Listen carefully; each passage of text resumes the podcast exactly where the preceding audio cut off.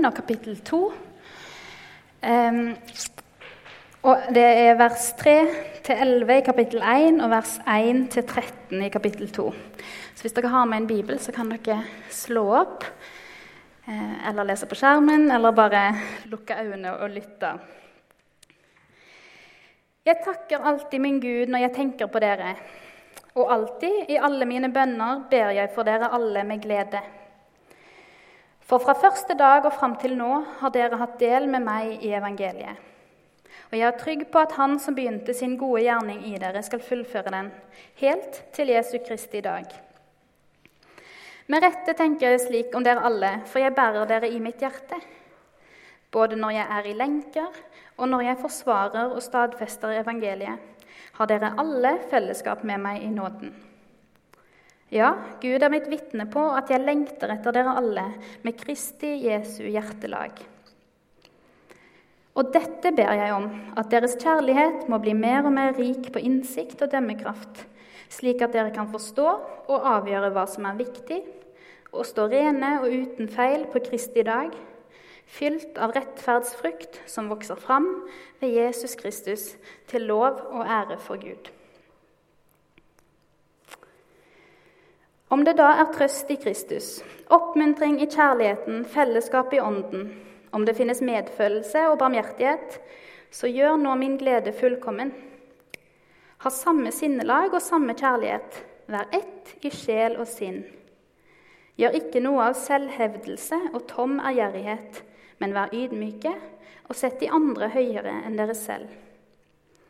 Tenk ikke bare på deres eget beste, men også på de andres. La samme sinnelag være i dere som også var i Kristus Jesus. Han var i Guds skikkelse og så det ikke som et rov å være Gud lik, men ga avkall på sitt eget, tok på seg en tjenerskikkelse og ble mennesker lik. Da han sto fram som menneske, fornedret han seg selv og ble lydig til døden, ja, døden på korset. Derfor har også Gud opphøyd ham til det høyeste og gitt ham navnet over alle navn. I Jesu navn skal derfor hvert kne bøye seg, i himmelen, på jorden og under jorden. Og hver tunge skal bekjenne at Jesus Kristus er Herre, til Gud Faders ære.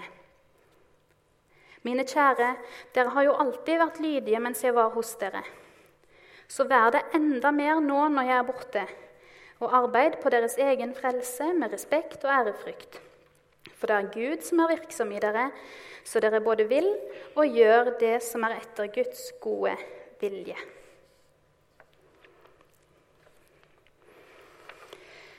En formiddag for eh, en god del år siden så satt jeg på et bønnerom på Fjellhaug. Det er der jeg jobber nå, og da var jeg student der. Jeg hadde funnet et bønnerom eh, og satt der og skulle be. Ha litt sånn eh. Og så satt jeg og kjente veldig på at det var veldig mange ting som jeg ikke fikk til. Jeg tenkte på at det var altfor lenge siden sist jeg hadde vært der inne. Jeg satt og tenkte på at jeg burde ha følt på at, eh, at, Jesus liksom var der da, men det følte jeg ikke i det hele tatt. Eh, jeg lurte på om han hadde glemt å komme. Eh, og jeg sleit med fokus. Og så hadde jeg dårlig samvittighet for at jeg hadde det sånn i det hele tatt. For jeg var litt sånn Hallo, du vet jo at Jesus er her. Du vet at Jesus er i livet ditt. Du vet hva Jesus har gjort for deg. og så stresser du allikevel. Eh, og, så bare, og, så bare, klarte jeg ikke å, å lande. Jeg bare, jeg bare, fikk det ikke til. Eh, og så satt jeg der, eh, og så begynte jeg å bla i ei sangbok som, som lå i det bønnerommet.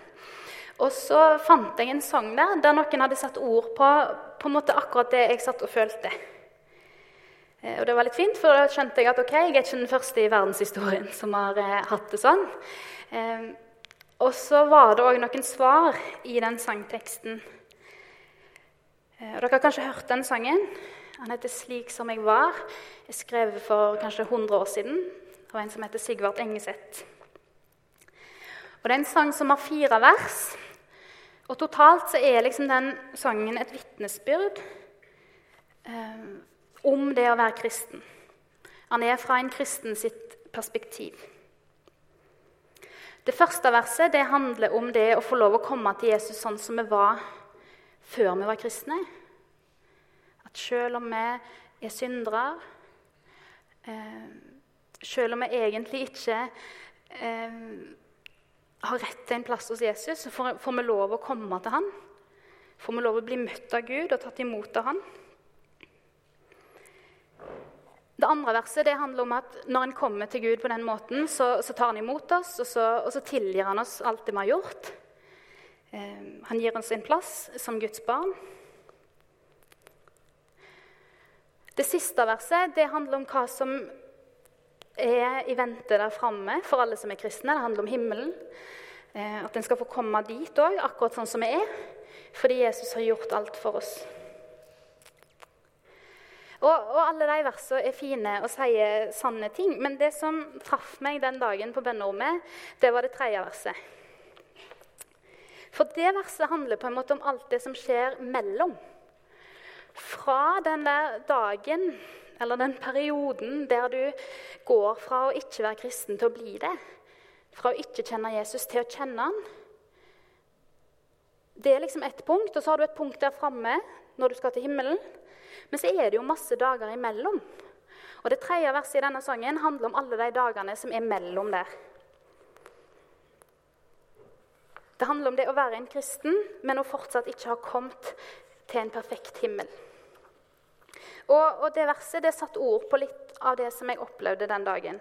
Og Der står det sånn Slik som jeg er, Herren i nåde til barnet sitt ser. Om synder og tvil, det er heile mi æra. Han er min frelser, og det vil han være. Nåden er fri, og jeg hviler meg der, slik som jeg er. Sånn kan jo livet midt imellom være. Selv om vi er kristne, så kan synder og tvil være det eneste vi har å vise til. Men Jesus er fortsatt frelseren vår hver eneste dag. Og nåden er der hver eneste dag. Og så er det ikke sånn at Jesus frelste oss en dag for lenge siden, og så sa han snakkes. Nå har jeg gjort alt for deg, jeg har gitt livet mitt for deg. Nå er din oppgave å forvalte dette her på en god måte. Og du bør jammen gjøre det godt. For nå, liksom, nå, er alt lagt til rette for at du skal klare dette her bra. Han kunne jo sagt det. Kanskje vi av og til tenker at det er det det er.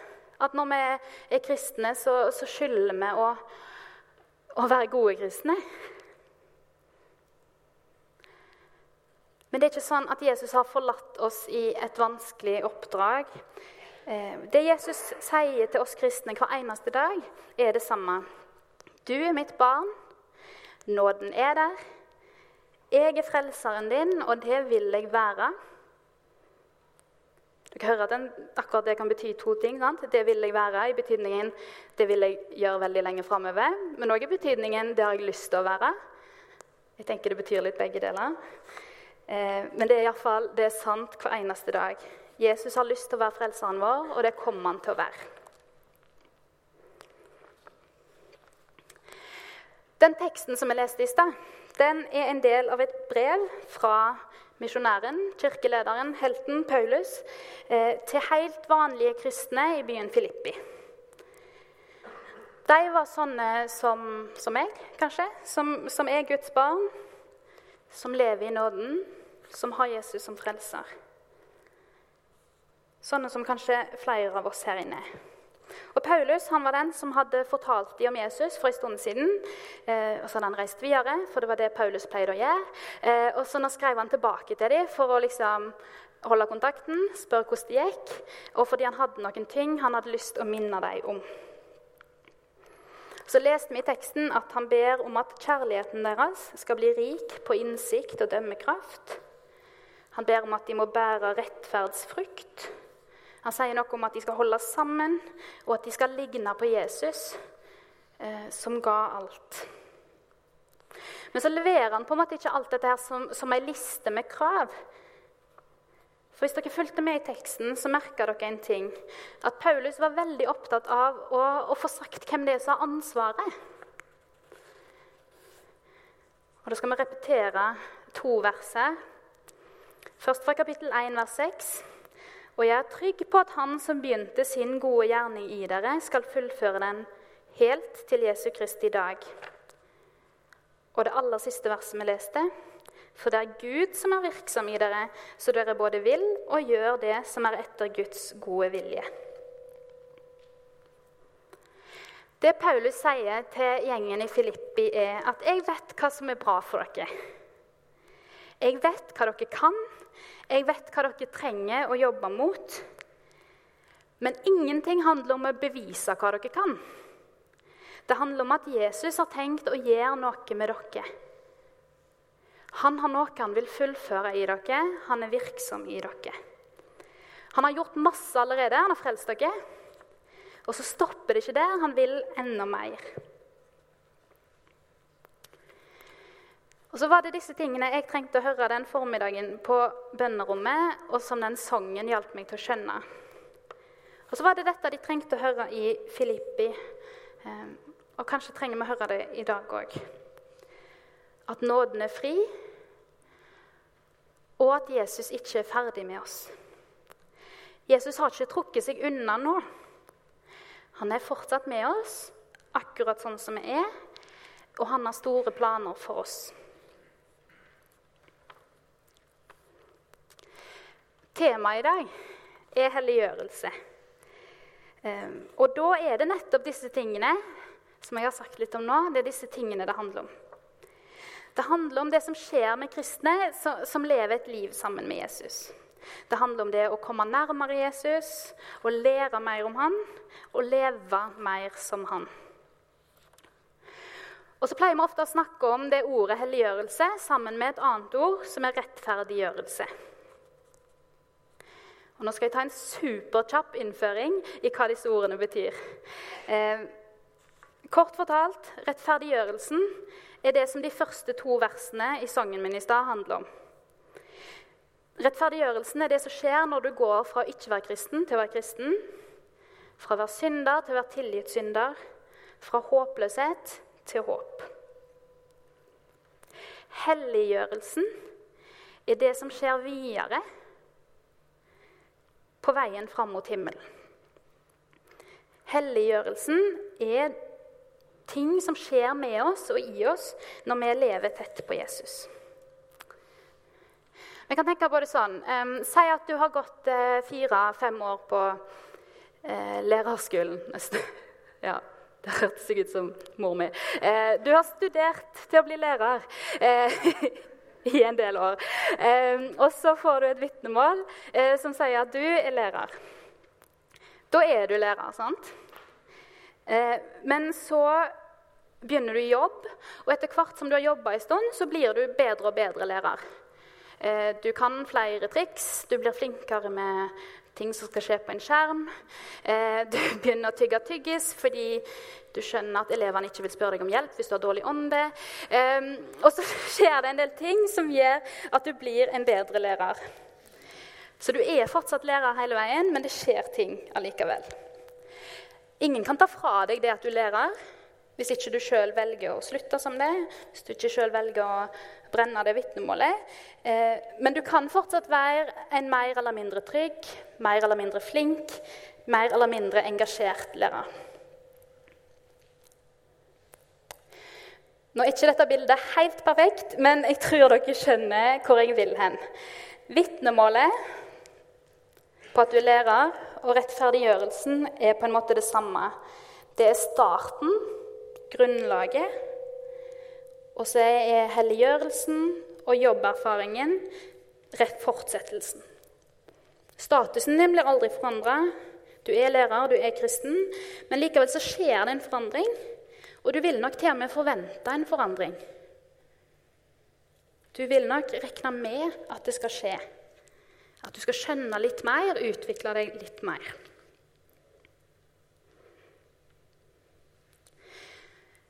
Dere, jeg, jeg, er nødt til å si en ting, og det kommer kanskje litt for seint, eh, men jeg vil si det likevel. Eh, dere har sikkert merka at i dag så snakker jeg først og fremst til de som er kristne. Eh, og det er fordi helliggjørelse er noe som kristne opplever. Det skjer med folk som har blitt kristne. Og det er en ting som er bra for kristne å tenke på. Men jeg håper jo at det er noen her inne som ikke er kristne. Jeg håper dere har skjønt at dere er velkommen hos oss. Um, og da vil jeg si at uh, du kan fortsatt ha noe å lære av talen i dag. Ta det som et innblikk i hva det kan si å være kristen. Kanskje du kan lære litt mer om hvorfor vi som er kristne, er sånn som vi er. Hvorfor vi av og til imponerer deg, og hvorfor vi av og til skuffer deg. Og så håper jeg at du kan snakke med den som har tatt deg med hit, eller en forbeder, eller meg, eh, hvis det er ting som, som du syns er merkelig eller ikke skjønner. Greit. Nå, nå, skal vi bli litt mer kjent med hvordan dette med helliggjørelse ser ut. Og Det første jeg vil si, er at det, det er ikke ditt prosjekt. Og det har vi allerede sett at lyste ut av versene i Filipperbrevet. Det er ikke du som skal helliggjøre deg. Du blir helliggjort av Jesus. Og For de fleste av oss er dette faktisk en litt sånn uvant tanke. Eh, det faller oss liksom ikke naturlig. For vi er ikke vant med å tenke på vår egen utvikling som noe som vi ikke har innvirkning på. Og vi er generelt ikke vant til at ting kommer gratis eh, og uten på en måte liten skrift eller eh, forventninger. Og Vi har alle sett overskriftene og kanskje klikka oss inn på sakene som forteller oss at hvis vi vil ha en endring i livet, så må vi gjøre noe sjøl. Fem steg mot et lykkeligere liv. To kontroll i eget liv. Og så er det bilde av noen som smiler. Eh, trikset som fjerner den eller den eller den uvanen. Hvis vi vil ha forandring i eget liv, så er vi vant med at vi må gjøre noe for det. Eh, så da når vi hører at helliggjørelse handler om å utvikle seg som kristen, så, så, slår det på en måte inn hos de fleste av oss helt automatisk. OK, greit, utvikle meg, bra. Eh, hva skal jeg gjøre da? Hva er det som er forventa meg sånn, sånn, egentlig? Hvordan kan jeg få dette til? Hva, hva, skal jeg gjøre nå for at dette skal, skal funke og skje? Men så er det jo sånn, sånn som det veldig ofte er med ting som har med Jesus å gjøre, at reglene hos han er ikke de samme som vi er vant med ellers. Eh, for helliggjørelse er ikke ditt prosjekt, og det er heldigvis ikke mitt prosjekt.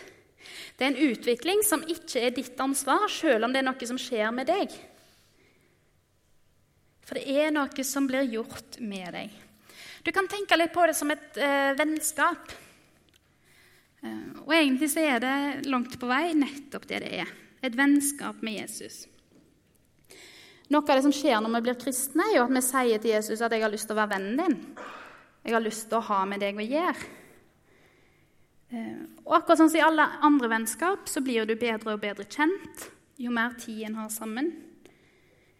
Eh, og så kjenner vi det ja, fra, fra våre vennskap at plutselig så begynner en å snakke likt. En begynner å høre på samme musikk. En begynner å gå i like klær. Plutselig har en samme humor.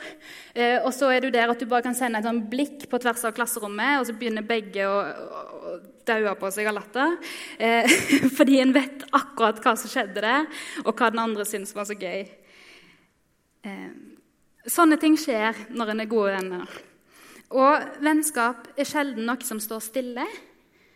Det har alltid en retning, der vi ofte beveger oss nærmere hverandre og av og til lenger vekk fra hverandre fordi vi lukker oss inne eller misforstår, eh, eller slutter å prioritere hverandre. Og nå er det ikke sånn at vi begynner å spare til skjegg og gå i sandaler, håper jeg, eh, etter hvert som vi blir bedre kjent med Jesus. Eh, men det skjer noe med oss på andre måter når vi vokser i vennskap med Han.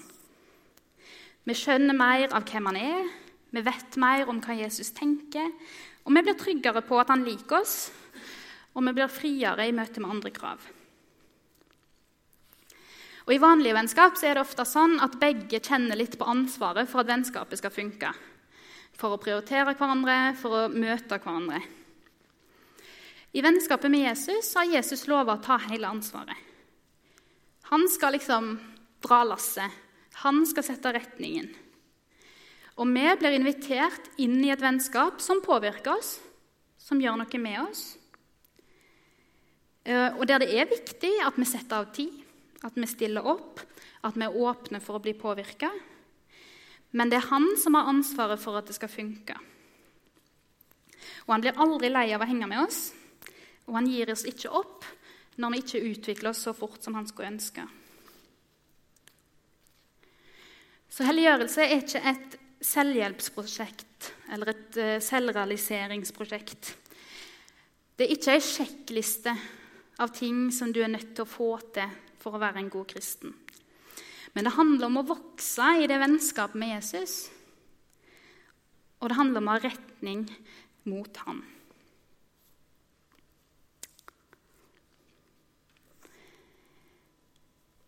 Ok, det, det, er ikke ei sjekkliste med helliggjørelse. Men helliggjørelse har allikevel noen sånn kjennetegn.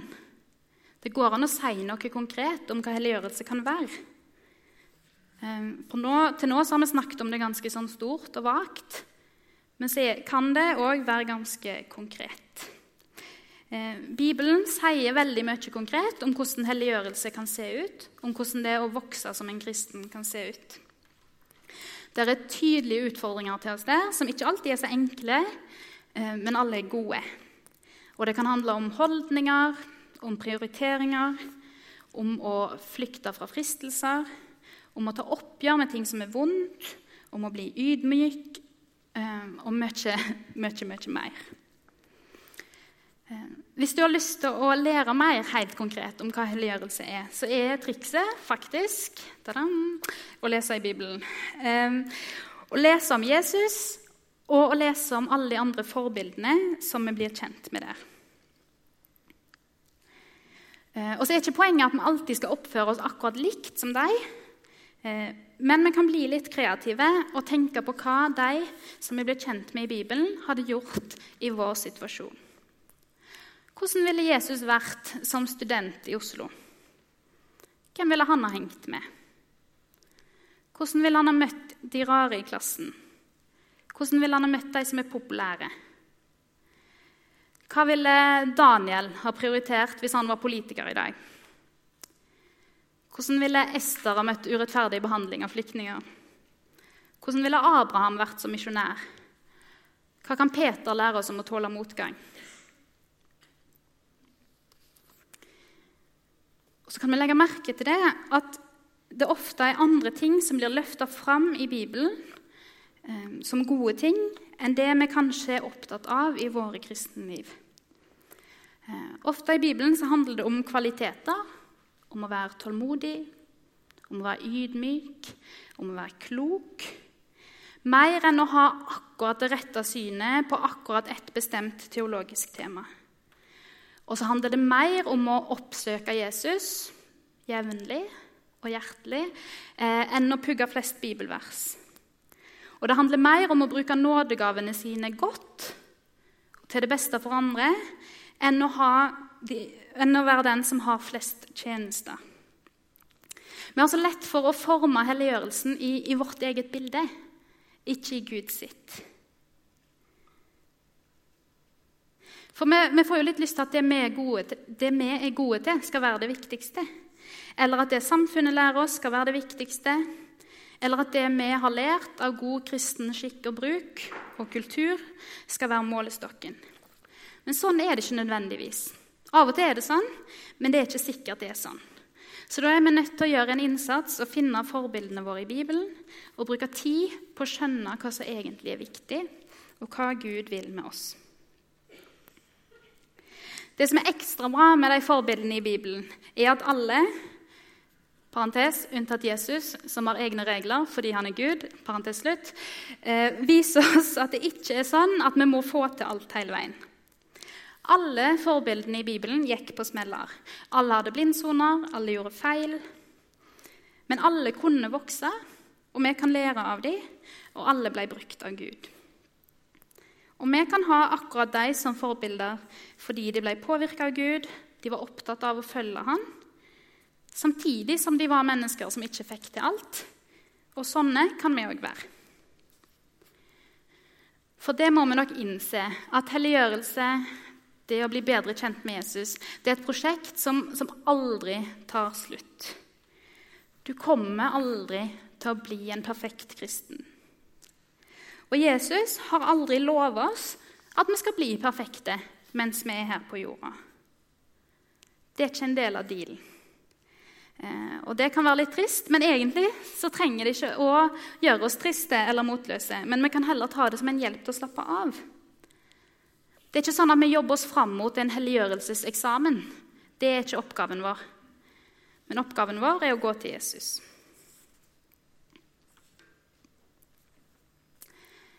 Ok, Men hvis det ikke handler om å forberede seg til en eksamen, hva er poenget med helliggjørelsen da?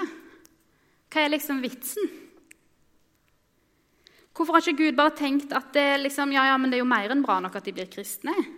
Eh, hvorfor, hvorfor, skal han ha denne utviklingen i tillegg? For Jeg har jo allerede sagt at det betyr ikke noe forskjell for om vi kommer til himmelen eller ikke. Det er allerede avklart. Det ligger en helt annen plass. Hvorfor vil Gud absolutt at vi skal, skal utvikle oss? Dere, det er to hovedgrunner til at helliggjørelsen fins. Til at det er en ting. For det første så har Gud lyst til å forandre oss fordi det er bra for oss. Det er ikke sikkert at det gjør oss mer lykkelig, lykkelige eller mer trygge eller mer rike. Men det er bra for oss å leve nærme Jesus, og det er bra for oss å bli forma av han. Det aller beste livet du kan ha, er det som er nærme Jesus. Uansett hvordan det ser ut i praksis. Så helliggjørelsen er bra for oss. For det andre så vil Jesus at vi skal bli helliggjort fordi det er bra for andre.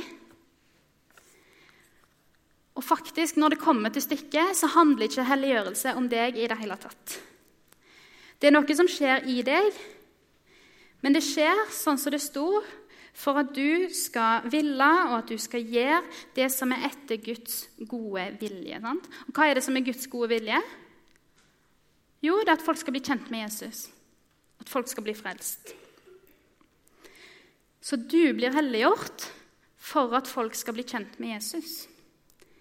Ikke for at du skal få poeng, ikke for at du skal bevise noe, ikke for at du skal nå et eller annet mål, men for at du skal være med på å peke på Jesus for andre. Helliggjørelsen er et vitnesbyrd om hvem Jesus er. Det at du blir forandra, lærer andre folk om hvordan Jesus er. De kan se på deg at Jesus lever. De kan se på deg at Bibelen betyr noe, fordi den påvirker livet ditt. De kan se at det gjør en forskjell, og at det å være kristen er mer enn å bare være medlem i en eller annen klubb. Eh, men det er noe som eh, som er ekte, som er levende, som er helt konkret.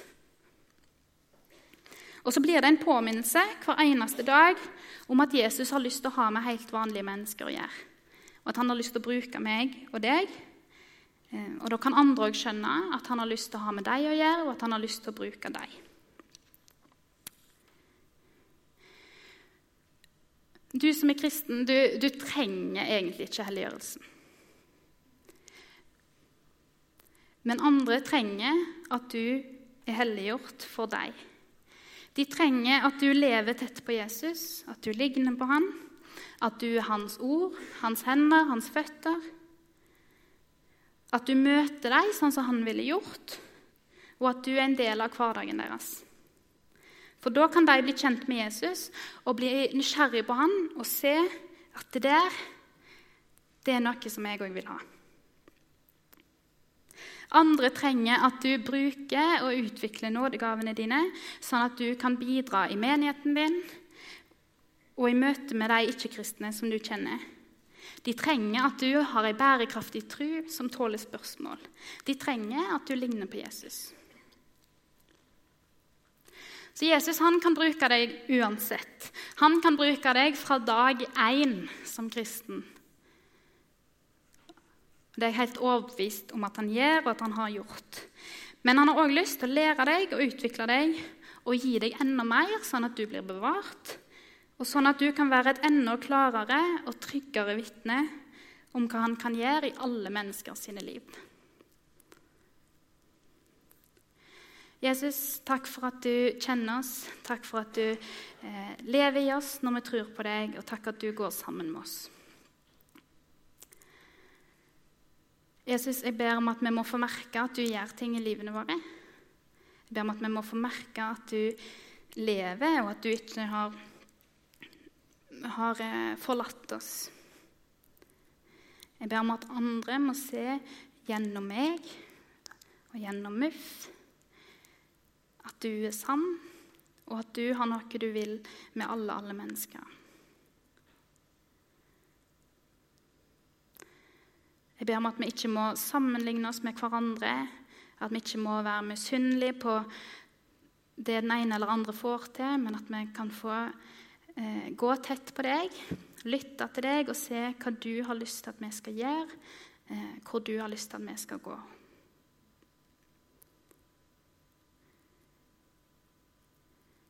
Takk at du har gjort store ting i oss allerede, og takk at det er enda mer i vente. Amen.